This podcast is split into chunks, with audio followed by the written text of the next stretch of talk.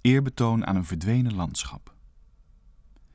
De stad Arnhem herrees na de Tweede Wereldoorlog uit haar eigen as.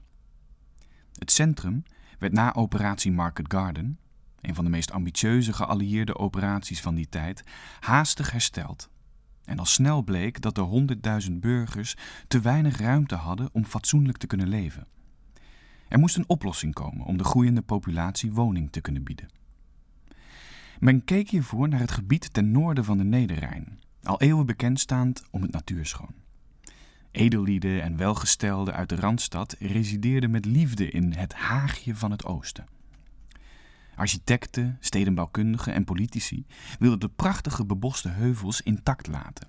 En uiteindelijk werd besloten om de rivier over te steken en daar een volledig nieuw stadsdeel te scheppen. In de afgelopen 70 jaar is het gebied dat een kwart van de totale oppervlakte van de gemeente beslaat, uitgegroeid tot een thuishaven voor meer dan 75.000 zielen. Bijna de helft van de Arnhemse inwoners.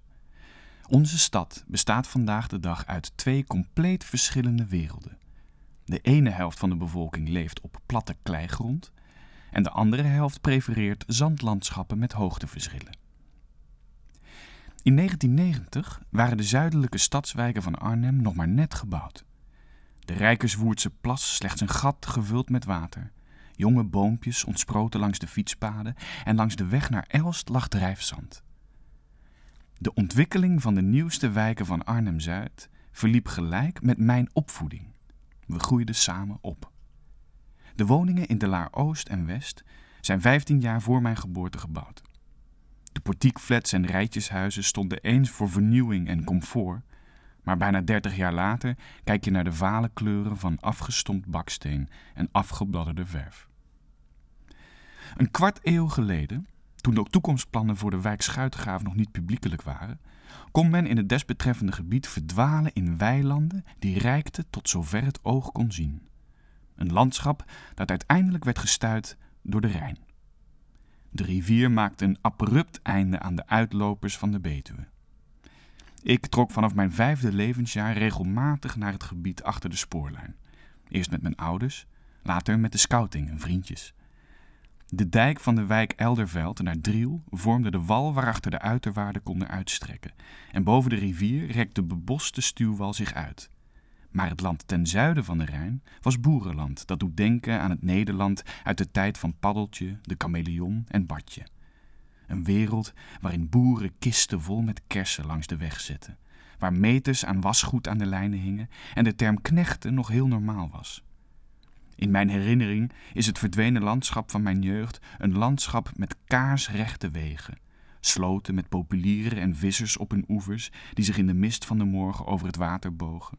Een stille fietser hier en daar en statige herenhuizen in de kenmerkende stijl van de 19e eeuw. Dit alles afgewisseld met akkers vol gewassen en boomgaarden met appels zwanger van het sap.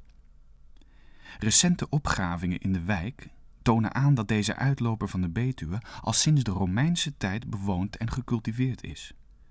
De mensheid heeft de plaatselijke natuur al eeuwenlang in haar voordeel gemanipuleerd. De verlegging van de Rijn die van 1530 tot 1536 duurde, toont aan dat de Arnhemmer sinds mensenheugenis zijn voortuin naar hartelust naar eigen wensen vormt. In de laatste 30 jaar is er echter een stroomversnelling, waardoor de natuur niet gemanipuleerd, maar eerder gewist wordt. Elst barst uit zijn voegen en Oosterhout en Lent zijn onderdelen van Nijmegen geworden. De Betuwe-lijn heeft het groen uiteengereten, een grijs litteken tekent het landschap. Wij zullen meemaken dat het gebied tussen Arnhem en Nijmegen één conglomeratie van asfalt en beton wordt. In mijn kinderjaren kon men de valken en de buizerd zien jagen op de muizen en ander klein gedierte. Enorme aantallen ganzen vonden hun tijdelijke onderkomen in de vele waterplassen, tot ze weer naar Siberië en Spitsbergen vlogen. De kerkuilen huisden in statige en verlaten panden en koeien begraasden het vlakke land. We kropen door ongemaaid gras dat meters hoog in de velden stond, in de tijd dat een zomerdag uit miserregen en 20 graden Celsius bestond. Treurwilgen en fruitbomen, onnauwkeurig gemaaide grasbermen en de geur van langzame arbeid prikkelde de zintuigen. Als we naar de schuitgraaf gingen, dan schepten we netten vol met kikkers en salamanders, enkel om ze te bekijken. Het heeft mij 29 jaar gekost en vele reizen naar andere bestemmingen om te beseffen hoe mooi en overweldigend het Nederlandse natuurschoon is. Als kind begreep ik namelijk nog niet hoe bijzonder het was dat je aan de vlucht van een boerenzwaluw kon zien dat het ging regenen. De Schuitgraaf is bijna 25 jaar jong en nu al de grootste wijk van Arnhem. Er is een station gebouwd en je kunt haast niet meer zien dat het ooit een van de mooiste gebieden van Gelderland was. Nu wonen er stelletjes met kinderen, zijn er scholen en rijden er s'nachts beveiligingsbusjes door de wijk om de rust te bewaren. Af en toe hoor je iets over een schietpartij of een opgeblazen drugslab, maar over het algemeen staat het woongebied bekend als burgerlijk. De treinen razen voorbij en het constante geluid van de snelweg klinkt na een tijd als een rivier.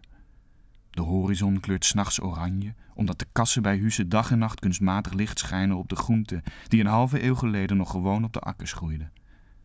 De ontwikkeling van Arnhem-Zuid en Nijmegen-Noord zorgen ervoor dat de klauwen van de mensheid de laatste stukken groen verscheuren. Elst, Oosterhout, Herveld, Driel, Heteren zullen uiteindelijk, net zoals de waterkoetjes, vossen, muskusratten en treurwilgen, verworden tot geschiedenis. Zal een jong kind in de schuitgraaf zich ooit een landschap kunnen herinneren dat al verdwenen was op het moment dat hij geboren werd?